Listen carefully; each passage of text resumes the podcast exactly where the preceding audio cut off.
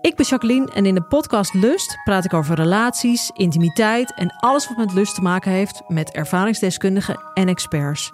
Of je nu in een relatie zit, single bent of iets daartussenin, Lust is de podcast voor jou. Overal te beluisteren, dus ook in jouw favoriete podcast-app.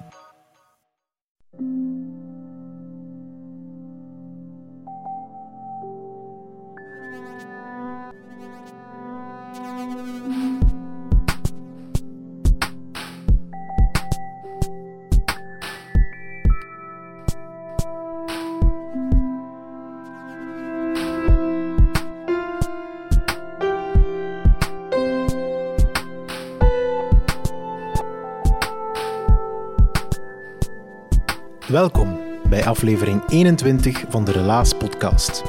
In de Relaas vertellen mensen een waar gebeurd verhaal dat ze zelf hebben meegemaakt. Deze keer is dat het verhaal van Noël Kallebout. Zo'n mens die altijd een paar mooie verhalen uit zijn mouw kan schudden.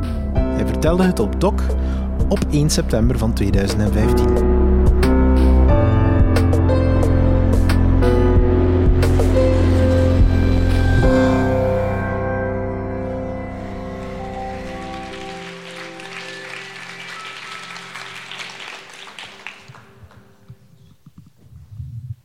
In september 1982. Ja, ik zie mensen al angstig kijken. Ongeveer 90% van mijn toehoorders waren waarschijnlijk nog niet geboren in 1982. Ik was toen 15. En 1 september, dat is de eerste schooldag al sinds uh, jaar en dag. Ik moet jullie misschien toch even schetsen. Ik ben dus van een generatie waar er bijvoorbeeld nog wel geluisterd werd naar wat ma en pa zeiden. Drie jaar later bijvoorbeeld deed ik mijn legerdienst. Niet omdat ik dat wou, maar omdat mijn vader zei dat ik dat moest doen omdat ik daar man ging worden.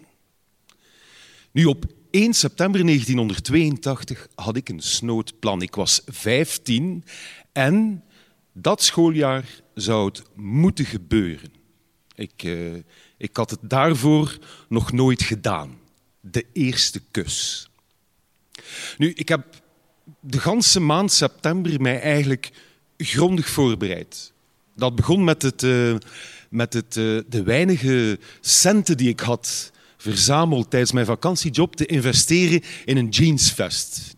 Nu, nu kan je zeggen, ja, allez, een jeansvest. Ik kan u verzekeren, mijn moeder is nog boos op mij dat ik toen als 15-jarige een jeansvest kocht van Lee Cooper en de eerste daad van verzet die ik pleegde was de mouwen eruit snijden.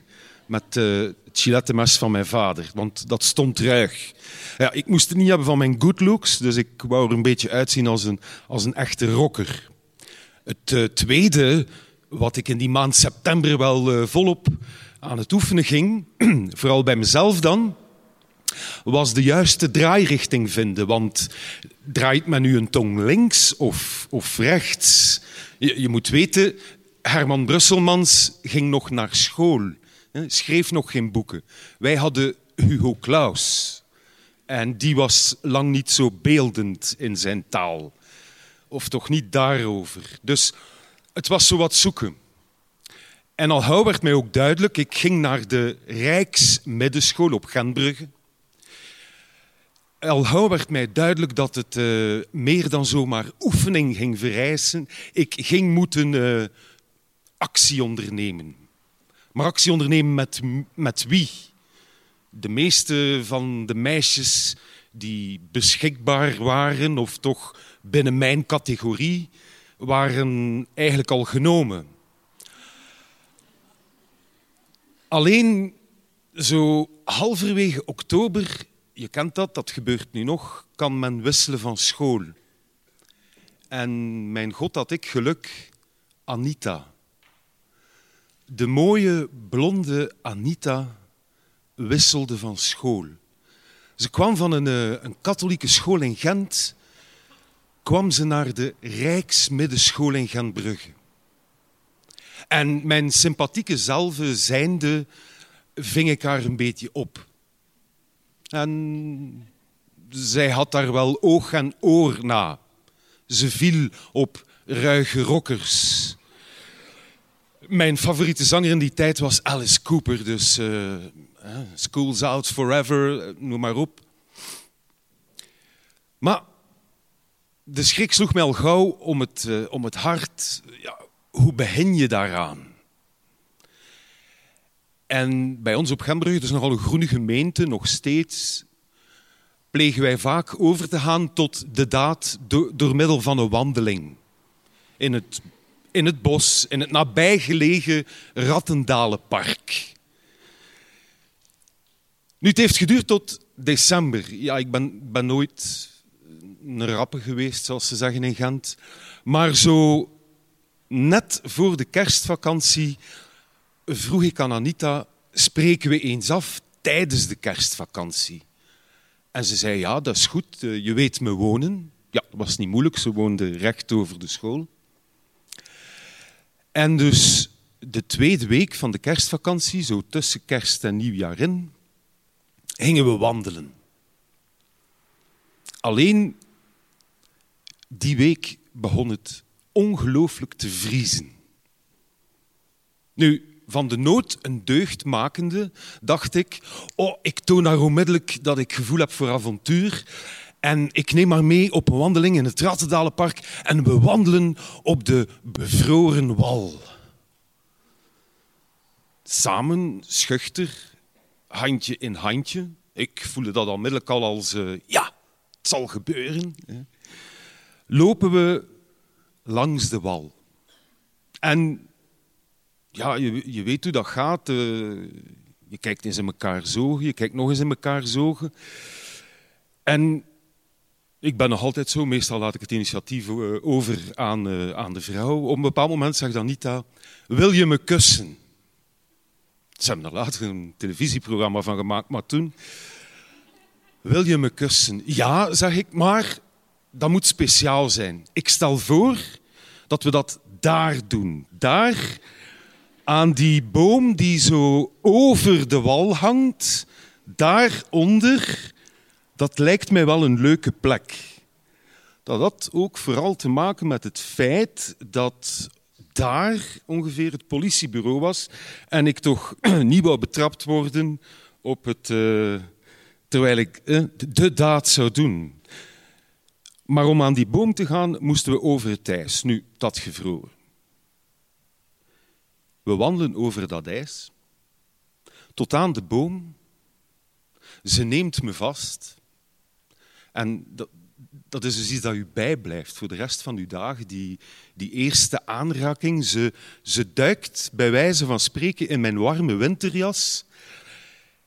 We beginnen te zoenen. Ik ben tamelijk verrast van de snelheid waarmee het gebeurt. En het was een linksdraaiende voor mensen die uh, details willen. Maar blijkbaar moet die zoen dan toch enige hitte veroorzaakt hebben, want spontaan zakten wij alle twee door het dun pelletje ijs. Nu, gelukkig in de, in de paardenwal, want zo heet die wal, uh, staat er nooit veel water. 30 centimeter is ongeveer uh, het maximum die erin staat. Maar goed, koude voeten bezorgen blijkbaar warme liefde, want zij was mijn eerste vaste relatie. We vierden samen nieuwjaar. Vieren is een groot woord, maar we zagen elkaar na nieuwjaar. En toen school opnieuw begon, waren wij een item, een koppel. En dat ging zo het ganse schooljaar door het ganse schooljaar zo, ik moet eerlijk zijn, ongeveer tegen het eind van februari aan, vond ik toch dat relaties niet echt mijn ding waren. Maar je weet hoe dat gaat. Uh, mijn partner was nogal aanklampend. Ik vreesde een beetje dat op een of andere dag mijn lievelingskonijn in de kookpot ging eindigen, broebelend op de stoof. Dat was namens een film in die tijd uh, die nogal heel populair was. En waarbij uh, de hoofdrolspeelster een relatie aangaat met de hoofdrolspeler, maar uiteindelijk die hoofdrolspeler heeft al een relatie en allee, om een lang verhaal kort te maken, ze deed onder andere zijn konijntje dood. Dus ik had, ik had schrik voor mijn konijntje en ik zocht naar een, een goede manier om, om een einde te maken aan die relatie. Nu ja, dumpy-relatie voor dummies bestond ook nog niet. En ik werd een beetje hopeloos, want ja, ik, begon zelfs slecht te zoenen, maar zelfs dat bereikte niet het, uh, het effect. Tot op, hoera, daar was de oplossing, haar verjaardagsvijf. Later is het goed gekomen met mij. Hè.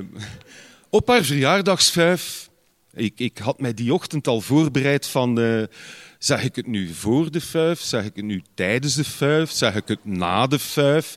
Wacht ik nog een paar dagen? Uh, uh, zeg ik dat ik iets meer voel voor jongens dan voor meisjes? Allee, ik, had, ik had het, het hele een heel scenario uitgedacht, maar het lukte maar niet. Goed, de vijf begint en, en ik ga bij haar en ik zeg... Anita, ja, we waren weer al aan het zoenen nog. Ik wou niet, maar zij dan wel weer. En goed, ja, dan de, de eerste kusjesdans. Toen hadden wij geen uh, Tinder, wij hadden La Bamba. Hè. En uh, na La Bamba werd er dan altijd een slow gedraaid.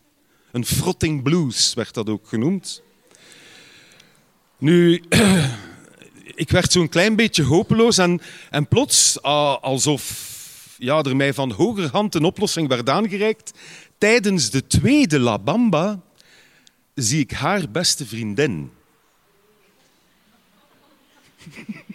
en ik dacht, Noël, het is het moment. Ik ga bij die beste vriendin en, en ja, dat klikte. En eh, het, het, verhaal wordt nu wel wat triest nu. Het is, het is achteraf ook goed gekomen met Anita. Uh, wees gerust. Um, maar bij wijze van verjaardagscadeau heb ik dan met haar beste vriendin dan eigenlijk mijn tweede officiële tongzoen onder, ondernomen. Ja, maar later is dat allemaal goed gekomen.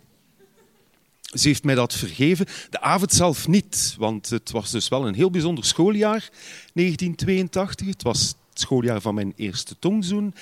En het was ook het schooljaar meteen van mijn eerste klinkende oorvijg die ik ooit gekregen heb van een vrouw. Dank u.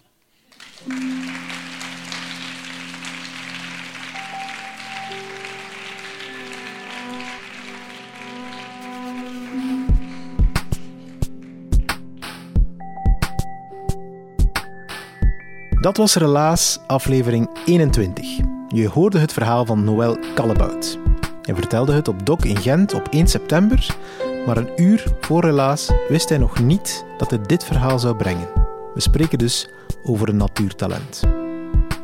Relaas is naast de podcast ook een maandelijkse vertelavond, meestal in Gent. Heb je zelf een bijzonder verhaal? Of wil je iemand tippen die een goed verhaal heeft? Of wil je er zelf ook graag eens live bij zijn als de verhalen verteld worden? Surf dan naar www.relaas.be en je komt alles te weten over ons, over de vertelavonden en over de podcast. Als je op een live vertelavond wil zijn, haast je dan, want de plaatsen gaan heel snel vol zijn. Relaas komt tot stand met de steun van Stad Gent, Urgent FM en het REC Radiocentrum. Onze crew bestaat uit Dieter van Huffel, Timon van de Voorde, Sarah Latré, Sarah Smet, Valerie Schreurs, Philip Cox, Evert Savers, Charlotte Huigen, Marleen Michels en ikzelf ben Pieter Blomme. Like ons op Facebook, type Relaas in, abonneer je op onze podcast op Soundcloud of iTunes, waardeer ons op iTunes, laat een comment achter en ik beloof het, wie een comment achterlaat, een positieve comment op iTunes, die stuur ik een van onze gloednieuwe Relaas postkaarten op. Bedankt om te luisteren.